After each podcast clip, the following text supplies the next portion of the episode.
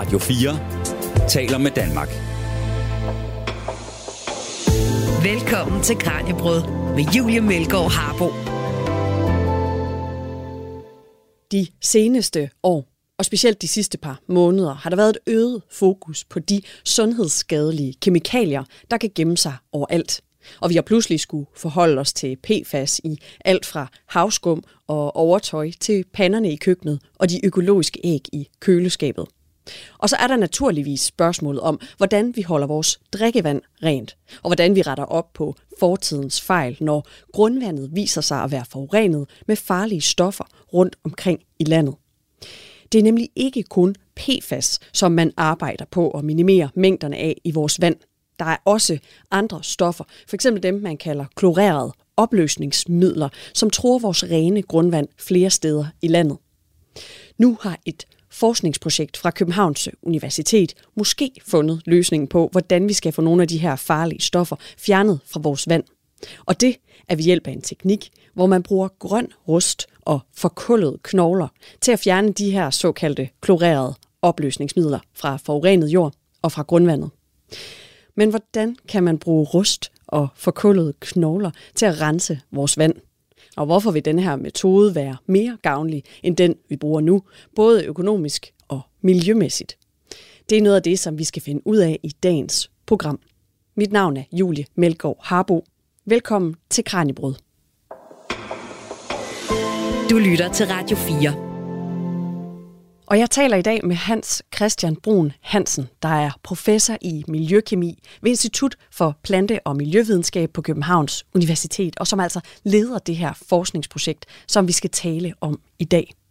Og jeg kunne godt tænke mig at starte med at spørge dig lidt ind til, hvad det her overhovedet er for nogle stoffer, altså dem, I gerne vil fjerne fra grundvandet. For vi ved jo godt efterhånden alle sammen, hvad PFAS er, altså de her poly- og perfluorerede stoffer, men hvad er klorerede opløsningsmidler? Ja, tak Julie, og tak fordi jeg må deltage i, øh, i udsendelsen her øh, og fortælle om det her spændende projekt. Øhm, ja, klorerede opløsningsmidler, øh, det er nogle meget simple stoffer. Øh, de fleste, de består bare af to kulstofatomer, men så sidder der en masse klor på det. Og nu sagde du jo lige de her PFAS, og det her det er ikke PFAS, men de ligner på sin vis, fordi i stedet for at det nu er fluer, så er det klor, der sidder på de her øh, forbindelser. Øh, og de er meget stabile. Øh, det, de nedbrydes ikke øh, hurtigt, øh, og derfor er de også persistente ude i miljøet og kan findes over meget lange øh, tidsrum. Men det er opløsningsmidler, og de er blevet brugt i stort omfang i industrien, for eksempel til affedtning, eller man har brugt dem til at lave kølemidler med, vi ved, freongasser, som nedbryder ozonlaget. Men de har også været brugt til noget så almindeligt som at rense tøj med. Og langt de fleste af de her forureninger, de skyldes formentlig altså små tøjrenserier, der har fundet rundt omkring i, uh, i, uh, i landet. Der er det bulkkemikalier, de er blevet brugt i enorme mængder. Jeg tror, i, i øh, 90'erne, der brugte vi i EU mere end 300.000 tons om året uh, af den. Så det er altså sådan noget, som bliver brugt i stort omfang. Det er bruges mindre i, i dag. Uh, men, men det bruges stadig der, nogle steder? Det bruges, eller ja, det bruges stadig, og det er lidt forskelligt fra område til område, hvor restriktive vi er, men, men forbruget er gået ned. Men stadigvæk så er det et, et ganske almindeligt uh, kemikalie. Og du sagde det på nogle måder mindede lidt om de her PFAS-stoffer. Vi, vi er jo usikre på, hvor skadelige de PFAS-stoffer er for os. Ved man noget om, hvor potentielt skadelige de her klorerede opløsningsmidler de er ved, for mennesker, hvis man får dem i høje koncentrationer, hvis man bor ved et forurenet område, for ja, eksempel. Ja, det, det, det gør man. Altså, øh, på mennesker, der er de øh, meget toksiske. Øh, hvis du bliver eksponeret til det, og det er sådan typisk øh, dampe, fordi de her stoffer, de er også flygtige. De, de både har et højt damptryk, det vil sige, de, de går op i atmosfæren, men de kan også opløses i vand, så du kan få ligesom blive eksponeret til dem på mange måder. Men hvis du øh, får sådan nogle dampe af de her så bliver du øh, rundt på gulvet og svimmel. Og ja, det er jo faktisk sådan, at nogle af de her, de har været brugt som bedøvelsesmiddel. Så en gang så brugte vi jo kloform til at bedøve med. Også et andet af de her stof, som hedder trikloroethylen. Det har også været brugt som bedøvelsesmiddel. Men det er selvfølgelig den akutte reaktion, men den værste er jo, at øh, øh, nogle af dem er øh, dokumenteret kræftfremkaldende.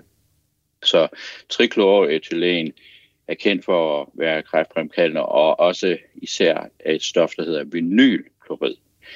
Og derfor så er grænseværdierne for de her um, i vores luft og i, i det vand, vi drikker, meget lave.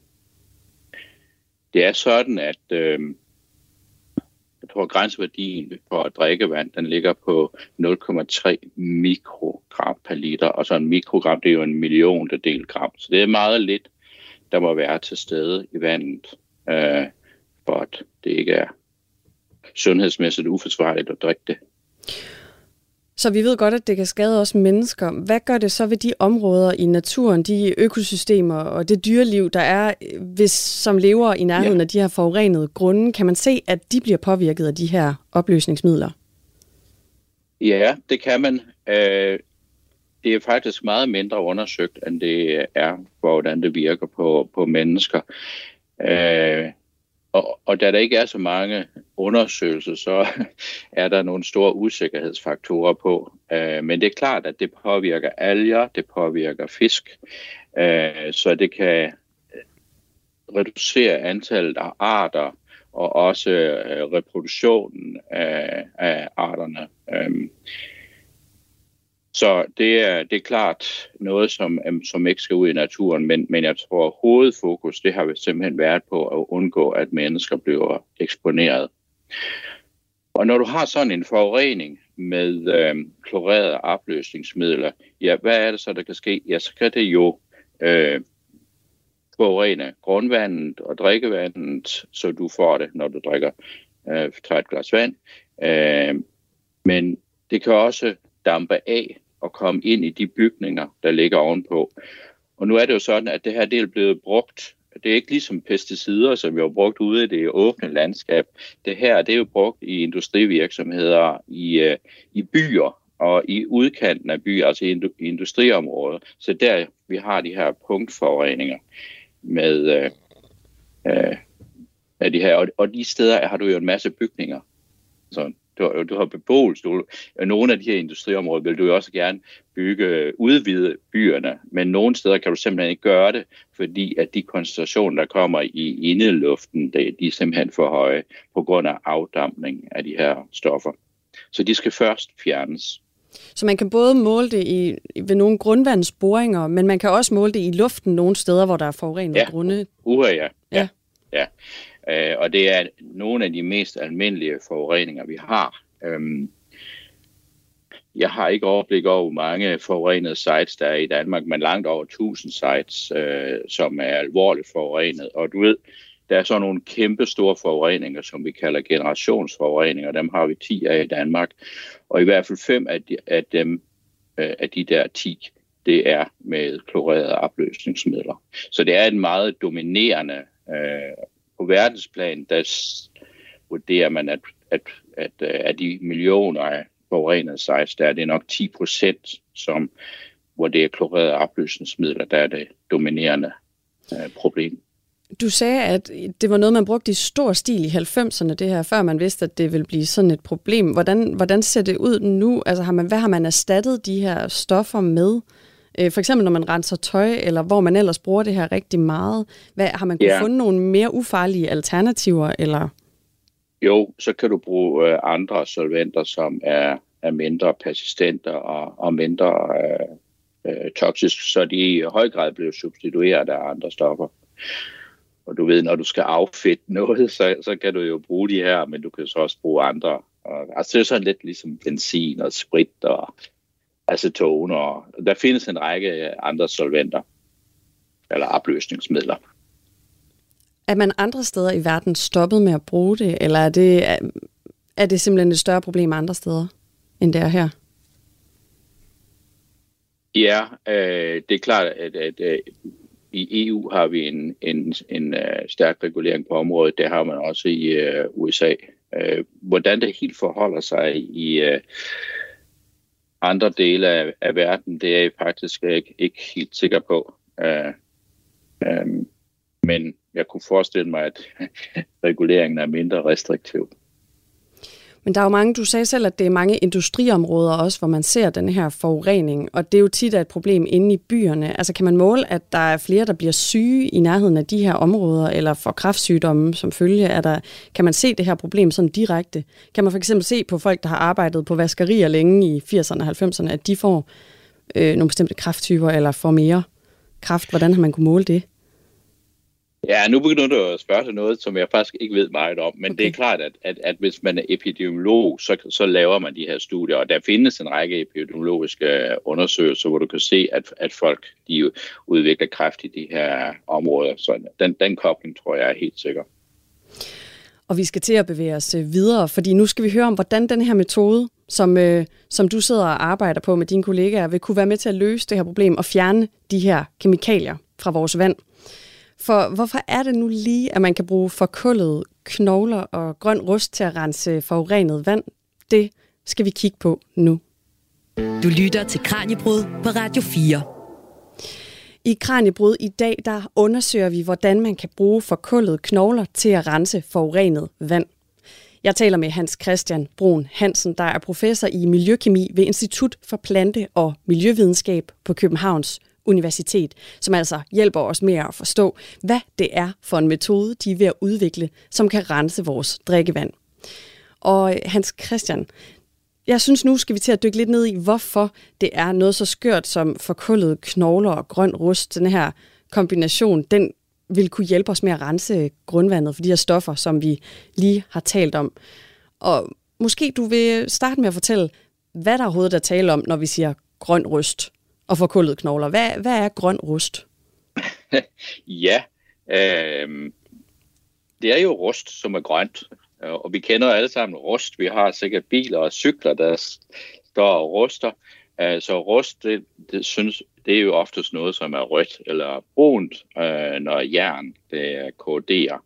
Men her har vi så noget, som vi kalder grøn rust, og det er simpelthen grøn eller grøn blåt.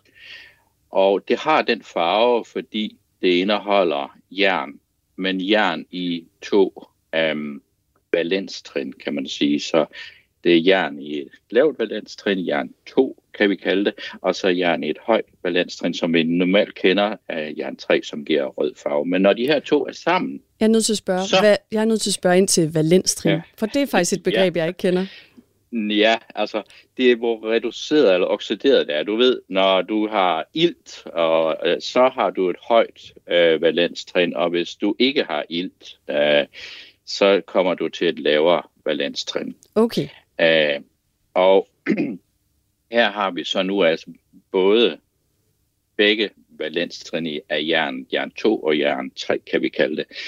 Og, øhm, og det giver den her grønblå farve. Men det er meget vigtigt for, for selve øh, virkningen af, af grøn rust, at den indeholder de her to balanstrin, af især øh, jern 2, det lave, altså det som er til stede, når vi ikke har ild til stede.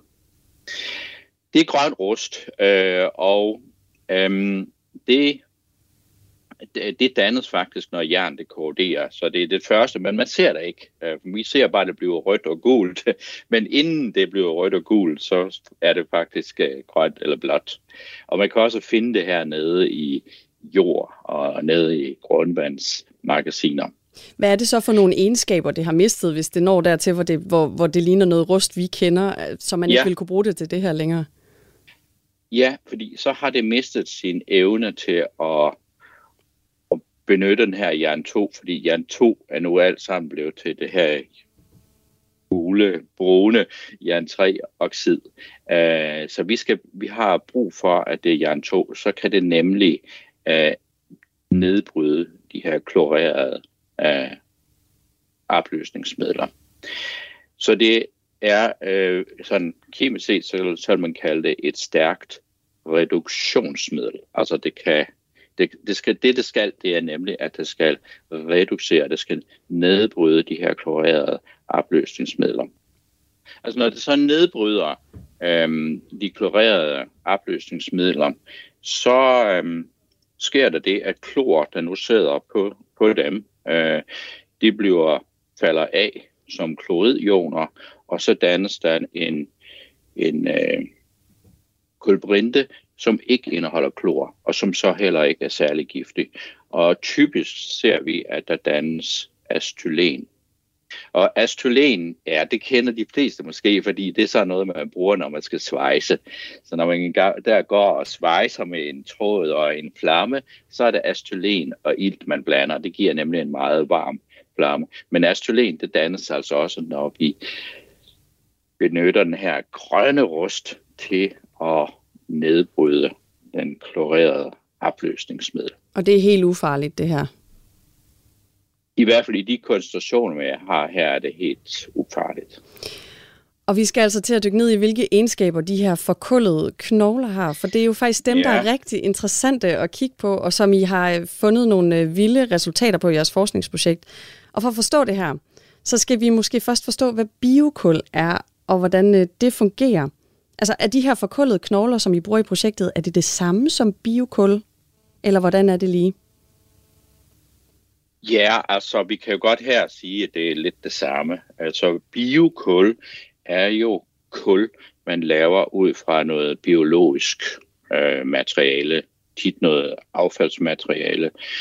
Så lad os sige, at du tager noget, øh, noget øh, hvedehalm, og så forkuller du det, ligesom når du laver grillkål.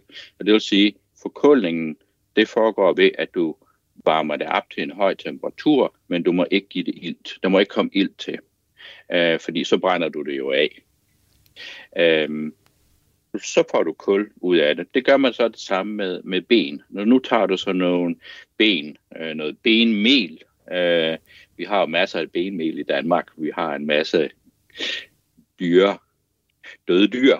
Så det er bare fra forskellige dyr, I simpelthen bruger knogler? Det er simpelthen øh, fra øh, en stor producent af, af benmel i Danmark fra døde dyr, og de, de uh, laver så mel af det, og så varmer vi det op til ja, 600-800 grader i den her pyrolyseovn, den her ovn, der kan lave kul.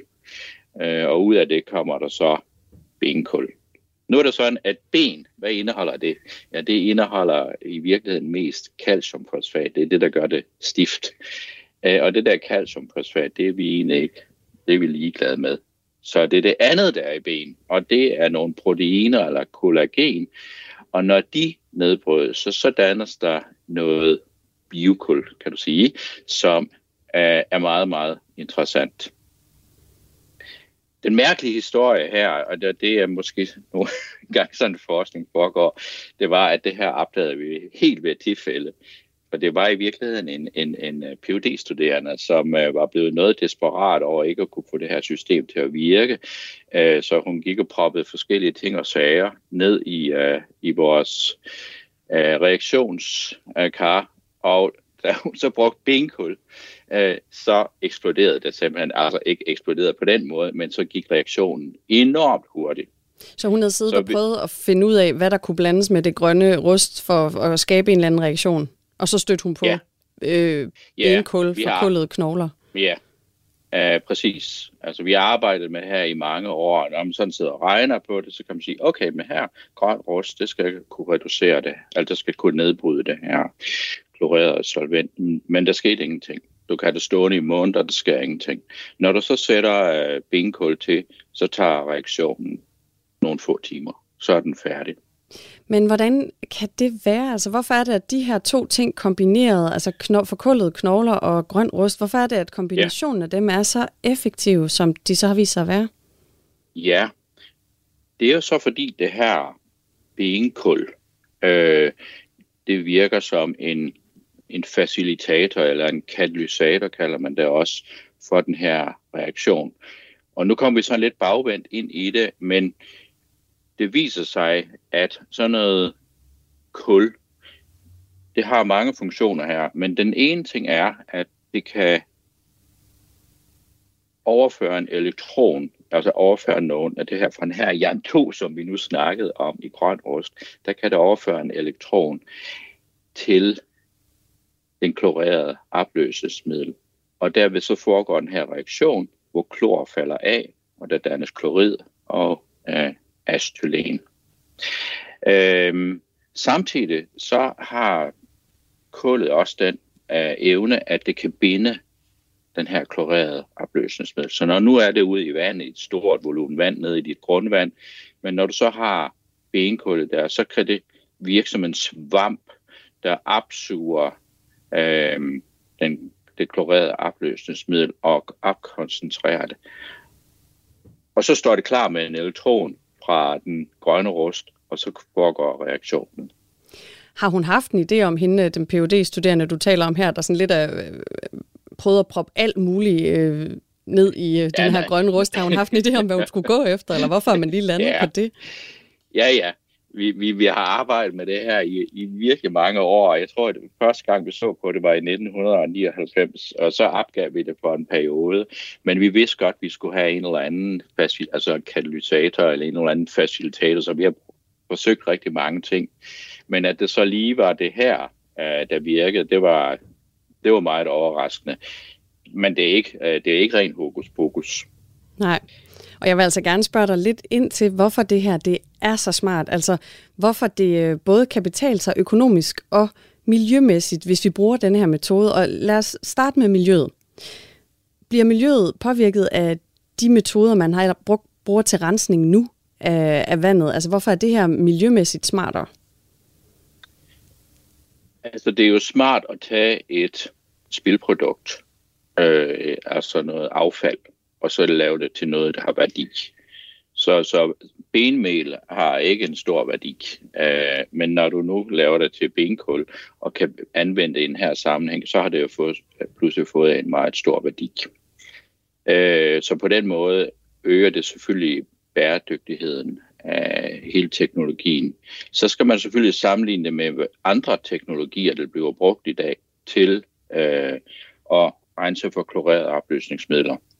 Øh, og en teknologi, det er simpelthen at øh, bruge store elektroder og sende en masse strøm ned i øh, sådan et forurenet område. Det vil sige, at du opvarmer simpelthen hele jorden, og så fordamper de her klorerede solventer. Men det kan du regne ud, det tager.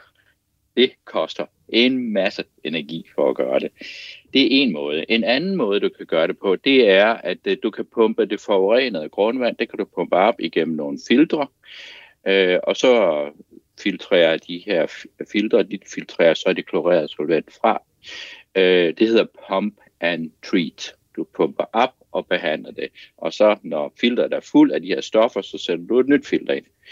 Det skal sådan typisk køre fra 50 til 100 år, før du er færdig med det, fordi de her stoffer, de frigøres mm, øh, langsomt, langsomt øh, fra de forurenede grundvandsmagasiner. Så kan du også bruge øh, jern. Du kan bruge sådan noget, øh, altså rigtig jern, altså rigtig jernpartikler, jern 0, altså øh, små bitte partikler, det, det kan du også pumpe ned i, øh, i grundvandsmagasiner og bruge, men det er typisk meget dyrt at fremstille det der jern, og det har en række øhm, ja, en række øhm, ting, som ikke fungerer særlig godt, og blandt andet så ved du jo, at, at jern og vand det reagerer med hinanden, så koordinerer det, så det, så det er ikke så specifikt reagerende som det her. Så Fordelen ved det her, det er, at du kan bruge nogle relativt billige materiale, øh, og at du får et produkt, som er meget hurtigt reagerende.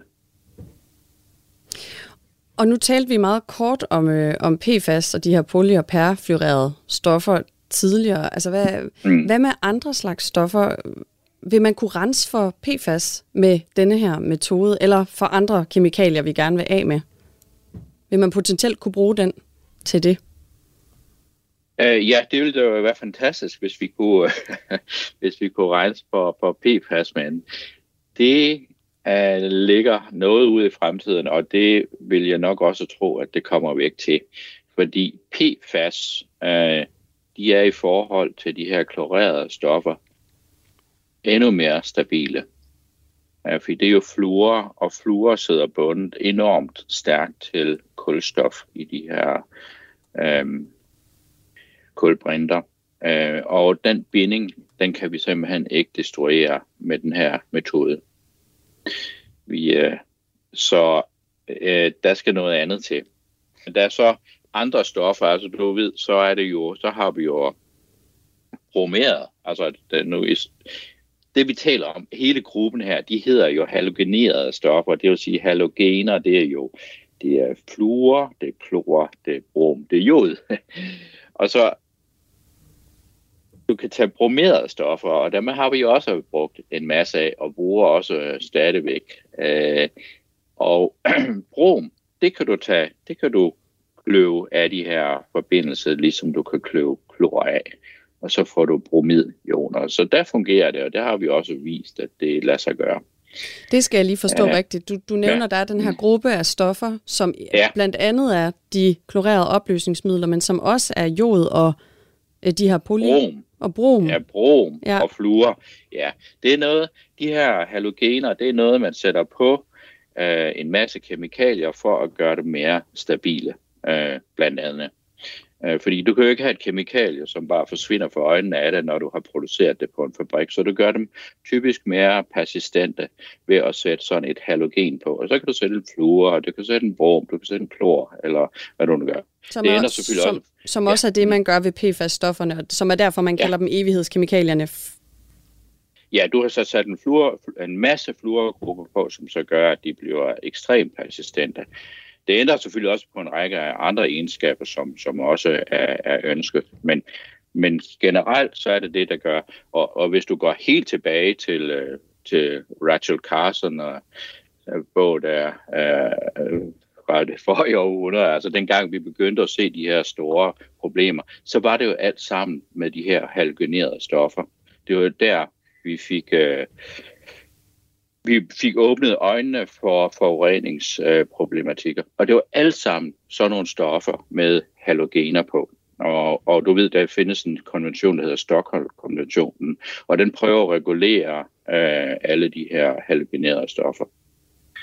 Men det er nogle, Så, vi bruger stadig, ja, ja, dem alle sammen? Ja, vi, vi, vi bruger jo ikke, øh, der er en masse af de der tidligere pesticider, vi bruger jo ikke DDT mere, og, og alt det der, det, det, dem fik vi jo øh, hurtigt øh, øh, stoppet med at, at producere og øh, anvende.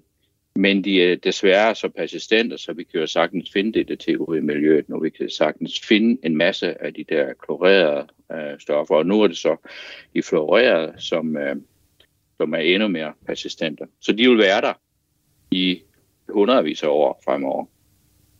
Og nu skal vi altså dykke længere ned i, hvordan man øh, faktisk gør det her, når man skal bruge de her metoder til at rense med. Fordi der er nemlig en del større områder i Danmark med denne her type forurening, og mange af dem er i hovedstadsområdet. Og derfor så skal vi også høre, hvordan den her nye rensningsmetode den er blevet modtaget af Region Hovedstaden. Du lytter til Kranjebrud på Radio 4.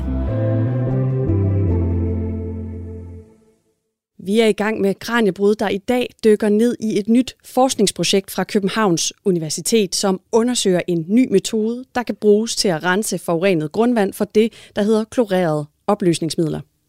Jeg taler med professor i miljøkemi, Hans Christian Brun Hansen, der leder af det her forskningsprojekt. Og Hans Christian, nu har vi jo talt om, hvorfor øh, grøn rust og specielt forkullede knogler er så smarte at bruge. Så måske du vil øh, fortælle lidt om, hvordan man gør det her. Altså, hvordan foregår den her nye rensningsmetode med kullet? Ja, det, det skal anvendes til, det er noget, der hedder in situ remediering. Det vil sige, at nu har du et, et, et, et, et grundvandsmagasin, som er forurenet. Lad os sige, at du har haft et renseri, og så har dit haft et spild på øh, en 100 liter af et kloreret solvent, og det er så trængt dybt ned i et grundvandsmagasin. De her klorerede solventer, de er tungere end vand, derfor så trænger de meget dybt ned. Der er en masse bygninger oven over det her sted, så vi kan ikke bare fjerne alle bygninger og grave det væk. Vi bliver nødt til at rense det op dernede, hvor det ligger. Så det vi gør, det er, at den her blanding af grøn rust og øh, benkul, den pumper vi ned i det forurenede magasin. Så skal det reagere dernede, og så nedbryde den øh, klorerede solvent. Øhm, så det vil jo foregå på den måde, at man så har nogle store tanke med det her produkt, og så har man nogle øh, borer eller trykmaskiner, der kan injicere øh, den her slurry, den her øh, væske, ned i øh, det forurenede område. Det gør man så mange steder Øh, og det er selvfølgelig afhængigt af, hvad er det nu for et materiale? Er det nu sand, der er i det her grundvandsmagasin, eller er det ler, eller det kalk, eller hvad er det nu for et materiale, man skal ned? Men det er i virkeligheden sådan, det foregår. Øh, og så skal det have noget tid til at reagere, og øh, ja, så får vi rent vand ud af det. Og så lader man det simpelthen bare blive heri, og så øh, renser det, eller hvordan? Foregår ja, det så? Så, så, så, så, så, så foregår det jo ved, at det reagerer nede i uh, grundvandsmagasinet og nedbryder de her klorerede opløsningsmidler, og så skulle koncentrationen jo over tid blive så lav, at der ikke er nogen uh, fare for forurening længere. Uh, og det vil sige, at hvis der nu er nogle drikkevandsboringer i nærheden, jamen, så, så, bliver de ikke, så er det ikke længere en risiko for, at de kan blive kontamineret. Og du fortalte jo tidligere, at de her opløsningsmidler, de, de øh, også kan fordampe og eksistere i, i luften omkring forurenede mm. områder. Mm. Vil man kunne bruge den her metode til at rense for andet end det, der ligesom ligger gemt i grundvandsreservoir? Ja, altså når, når nu øh, øh, at øh, solventerne, altså de her opløsningsmidler nedbrydes, så kan de jo heller ikke dampe af øh, længere. Så det vil sige, at, at du får løst både grundvandsforureningsproblemet, men du får selvfølgelig også løst afdampningsproblemet. og det betyder, at nu har du så oprenset området, eller remedieret, som man også siger med et fint øh, udtryk, og nu kan man så starte med byggeprojekter. Øh, eller hvad man nu vil, øh, vil lave i det pågældende område. Og som vi har talt om, så har vi altså brug for nye metoder til at rense grundvandet. Det ved de blandt andet i Region Hovedstadens afdeling for miljø og ressourcer. Regionerne har ansvaret for at forhindre giftstoffer fra forurenet grunde i at sprede sig i grundvandet. Og de samarbejder med dagens gæst, Hans Christian Brun Hansen, om udviklingen af den metode, som vi taler om i dag. Regionen kan nemlig bidrage med brugererfaringer. Mange steder i hovedstadsområdet er der i dag sat afværgerforanstaltninger i værk for at stoppe forurening og regionen søger derfor hele tiden efter nye og endnu mere effektive metoder. Det fortæller chefkonsulent Nina Tuxen. Vi prøver at sikre os at lave så effektive og økonomisk attraktive, men også bæredygtige øh, måder at rense vores grundvand på. Og de metoder, vi har i dag, selvom mange af dem virker rigtig godt, så øh, har de øh, enten et højt energiforbrug eller kemikalieforbrug, og derfor så leder vi efter mere attraktive metoder. Hvordan gør I øh, typisk i dag, hvis I skal have altså, øh, renset noget grundvand? Jamen, hvis man har en øh, forureningsfane, som øh, forurener grundvandet, så vil man meget ofte lave det, vi kalder for en afværgboring, hvor man øh, øh, pumper det forurenede grundvand op af boringen, og så har man et lokalt lille rensningsanlæg på overfladen, hvor man så renser vandet. Og øh, det virker sådan set fint, øh, den metode. Problemet er bare, at den skal drives nærmest i det uendelige. Altså man skal blive ved i årtier, måske op mod 100 år, hvor man altså skal vedligeholde og drifte sådan et anlæg. Og det er klart, det koster jo både øh, penge og udleder noget CO2 øh, fra energien, man bruger til det. Og i hele den periode, altså der, der pumper man vand op og renser det? Ja, det er det, man gør. Øh, så renser man det på et lokalt øh, rensningsanlæg, det kan fx være med noget aktivt kul, som man leder vandet igennem, som så tilbageholder forureningen. Og når vandet så er renset, så kan man enten pumpe vandet tilbage i grundvandsmagasinet, eller måske ud til noget, en å, eller øh, fjorden, eller sø, eller et eller andet. Er det en type foranstaltninger, der er mange af? Ja, dem, øh, det er nok den mest udbredte metode til at håndtere grundvandsforurening på. Altså i alene i Region Hovedstaden, så tror jeg, vi har omkring 50 af sådan nogle øh, driftsanlæg der, og så kommer jo også private øh, aktører, vandforsyninger og forsvaret tror jeg også har øh, sådan nogle øh, anlæg. Og øh, det er jo bare i Danmark. Øh, det her det er jo øh, et internationalt problem med grundvandsforurening, så der findes øh, tusindvis af, af sådan nogle afværgepumpninger øh, derude. Så der er meget både miljø og økonomi på spil? Ja, det må man sige. Og øh, det, altså det store øh, spørgsmål, det er jo, at vi skal sikre, at øh, når vi renser et problem op, at vi så ikke skaber et andet problem et andet sted, for eksempel ved at bruge en masse energi eller kemikalier. Så vi skal gøre det så bæredygtigt som muligt, så det bliver en, en holdbar løsning, kan man sige. Det fortalte chefkonsulent Nina Tuxen fra Region Hovedstadens afdeling for Miljø og Ressourcer til min kollega Kasper Fris. Du lytter til Radio 4. Og Hans Christian Brun Hansen. Nina Tuxen fortalte jo her før om, hvordan de renser vandet nu. Kan du øh, uddybe, hvor i processen det er, man har inddraget for eksempel Region Hovedstaden i projektet? Altså, hvordan har de taget del i det her forskningsprojekt?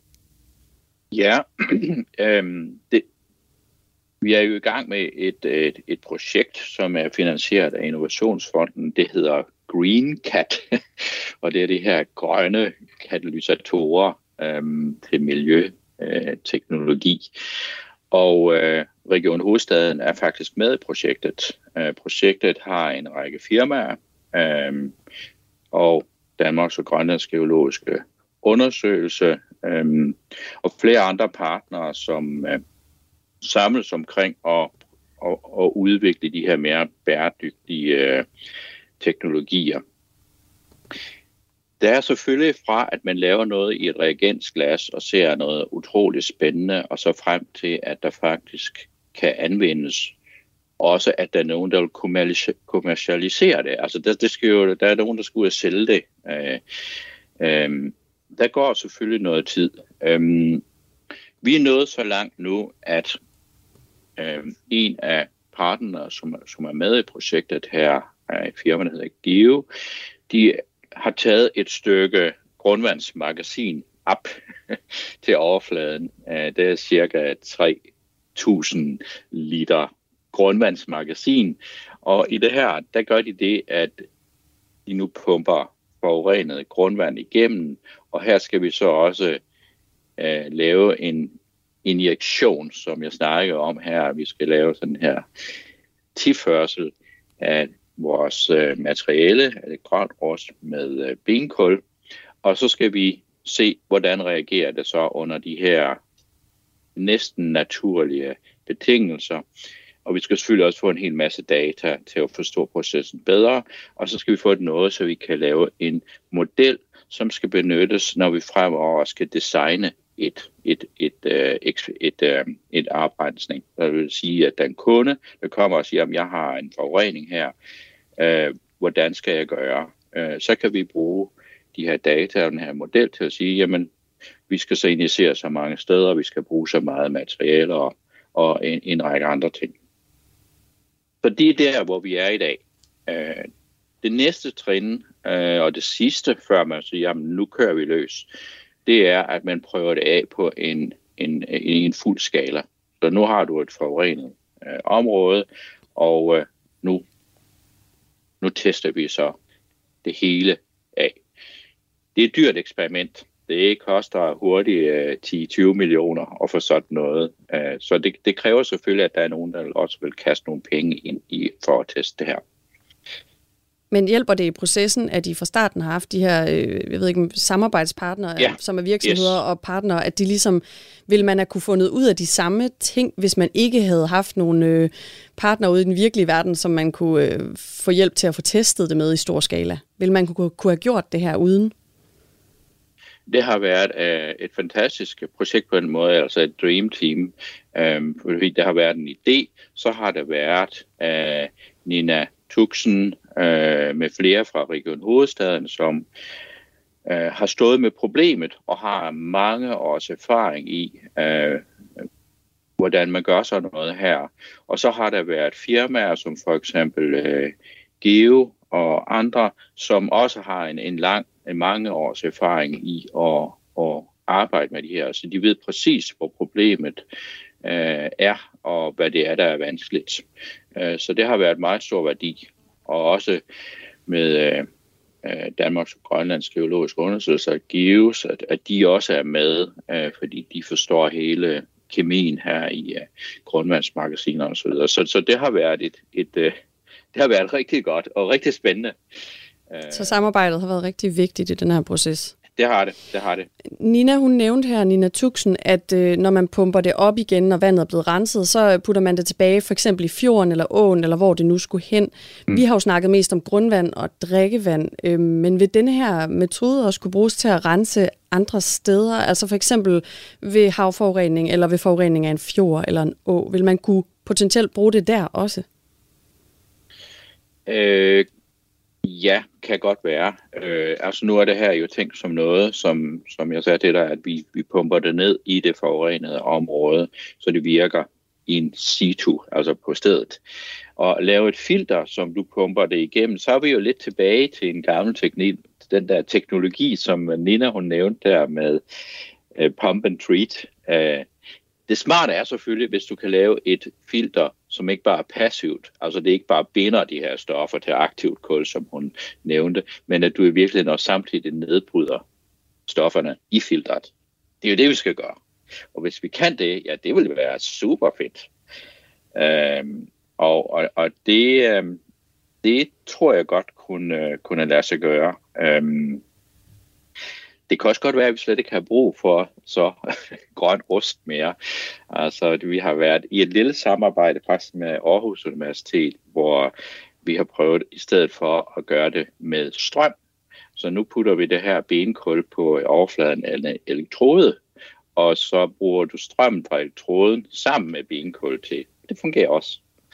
Så måske kan du lave sådan i fremtiden sådan et, et uh, elektrisk eller elektrokemisk filter, der, der der, så der, der, der, er skille, øh, der er mange andre muligheder, som, som jeg ikke vil underholde med i dag, men, men, uh, men til resultaterne, der kan absolut laves. Ja. Ser resultaterne ens ud, øh, alt efter om man bruger benkul og grøn rust, eller om man bruger benkul og sætter det på en elektrode? Er der, har der været forskel på det, jeg har set indtil videre i de forsøg, jeg har lavet?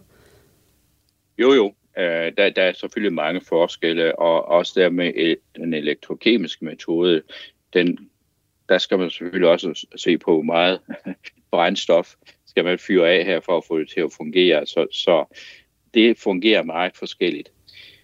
Noget, som vi har, efter nu vi faldt over det her med benkul, så har vi selvfølgelig blevet meget interesseret i biokul i det hele taget. Så det viser sig jo også, at man kan faktisk bruge mange andre slags kul. Det interessante er, at det der kul, som Nina nævnte, altså aktivt kul, det er faktisk helt indreaktivt. Øh, men man kan øh, vække et kul, hvis vi for eksempel tager øh, hvidehalm, og så laver du jukul af det, så er det helt, sker ingenting, indreaktivt. Men hvis du beriger det med noget kvælstof, noget nitrogen, så bliver det super reaktivt. Så du kan modificere, du kan ingeniere, du kan designe det her biokul, så det bliver reaktivt. Og vi har set på ufattelig mange slags biokul, og vi kan se, at to ting er meget vigtige. Det er, at det indeholder noget, noget kvælstof, når vi starter pyrolysen, øh, og det var der jo i det der øh, øh, benkul. Øh, og den anden ting er, at temperaturen, som øh, vi forkulder det ved, øh, pyrolyserer det ved, den skal være tilstrækkelig høj. Vi skal op omkring 800-900 grader, for at vi får noget, der er rigtig reaktivt. Og er der så ikke lige pludselig noget med miljøpåvirkningen igen, hvis man skal til at ud og bruge en masse energi på at varme noget op? I forhold til, at vi har talt jo. om, hvordan det er en meget miljøvenlig metode, det her, men lige så snart der er sådan ja. en opvarmning involveret, så er der vel noget i miljøregnskabet? Ja, Øh, det gode ved, ved sådan en forkølningsproces, det er, at den er stort set øh, er opretholdende, fordi når du øh, forkuller, så producerer du en masse gasser, og de der gasser, de kan brænde. Øh, så du, det, de gasser, der bliver produceret ved forkølningsprocessen, kan faktisk drive hele pyrolysen. Øh, selvfølgelig er der en vis miljøpåvirkning øh, af det, og det kan også være sådan, at det her kulstof indeholder noget, som, som skal undersøges. Altså det kan indeholde øh, PRH, altså som det er noget, som er hele tiden man skal have under overvågning, altså hvor, hvad, producerer vi noget kul, som er miljømæssigt øh, øh, okay. Ja, og jeg kommer bare til at tænke på, om det her er nogle metoder, man øh, kun vil kunne bruge på de her grunde, som vi ved, at der er rigtig høje forureninger af de her stoffer på, eller vil man også kunne bruge det øh, steder, hvor der er lavere koncentrationer? Vi talte jo i starten om, at mm. i 90'erne, der brugte man øh, de her øh, klorerede opløsningsmidler alle vegne og i stor stil, så, ja. så de, de mm. gemmer sig alle mulige steder. Øh, men ja. vil man også kunne bruge den her metode steder, hvor der ikke er mega høje koncentrationer, men, men lavere, fordi det vil også ligesom PFAS kan akkumulere i kroppen måske, og mm. derfor måske føre til kræft, også selvom vi bor i områder med lave koncentrationer. Kunne det her være en del af en løsning også her? Eller er det kun steder, hvor vi ser mange af de her stoffer? Øh, nej, du, du, de, de, de fungerer øh, også ved meget lave koncentrationer, så det, det er egentlig ikke en, en udfordring. De fungerer også ved, ved lave temperaturer, som vi jo typisk har nede i, i grundvandsmagasiner, så det er heller ikke et problem. Det, det, men det, hvis du skal have den ned i, i grundvandsmagasinet, så det, den største udfordring det er virkelig at få den der ned og få den spredt ud. Uh, det er der, hvor jeg tror, den største udfordring ligger. Det er ikke så meget i kemien af det, men i virkeligheden i det der med at få det injiceret og få det fordelt øh, i grundvandsmagasinet. Øh, men det er klart, at, at hvis du nu har et sted, hvor du ved, her strømmer en masse vand ud, og måske i en sø eller en å, jamen så kunne du sætte en barriere op, du kunne sætte en eller anden permeabel væg op, som det skal passere, øh, og når det så passerer det der øh, materiale, så, øhm, så nedbrydes det. Så der, der, kunne, øh, der kan udvikles en, en række løsninger på det. Nu ved vi jo også, at biokul, det er jo så noget, som øh, ja, det har jo så fået en enorm øh, opmærksomhed nu, fordi det er en måde at binde kulstof på i jord. Det er jo der, det, først og fremmest har, har fået fokus, for når vi laver kul, så har, får vi lavet noget, hvor kullet er meget stabilt, så det kan ligge der i, i tusindvis af år og nedbrydes meget langsomt, så der kommer ingen CO2 ud af det. Det er jo derfor, vi gerne vil lave, primært vil gerne lave, lave biokul. Men det vi har set, det er en helt anden aspekt af det her. Det er, hvordan det her biokul, det øhm, deltager i en række processer, øh, hvor, øh, hvor det kan nedbryde øh, for eksempel de her klorerede solventer. Men vi har også et andet projekt, det leder jeg ikke selv, øh, men her på instituttet, hvor man ser på, hvordan biokul kan mindske udslippet af lattergas.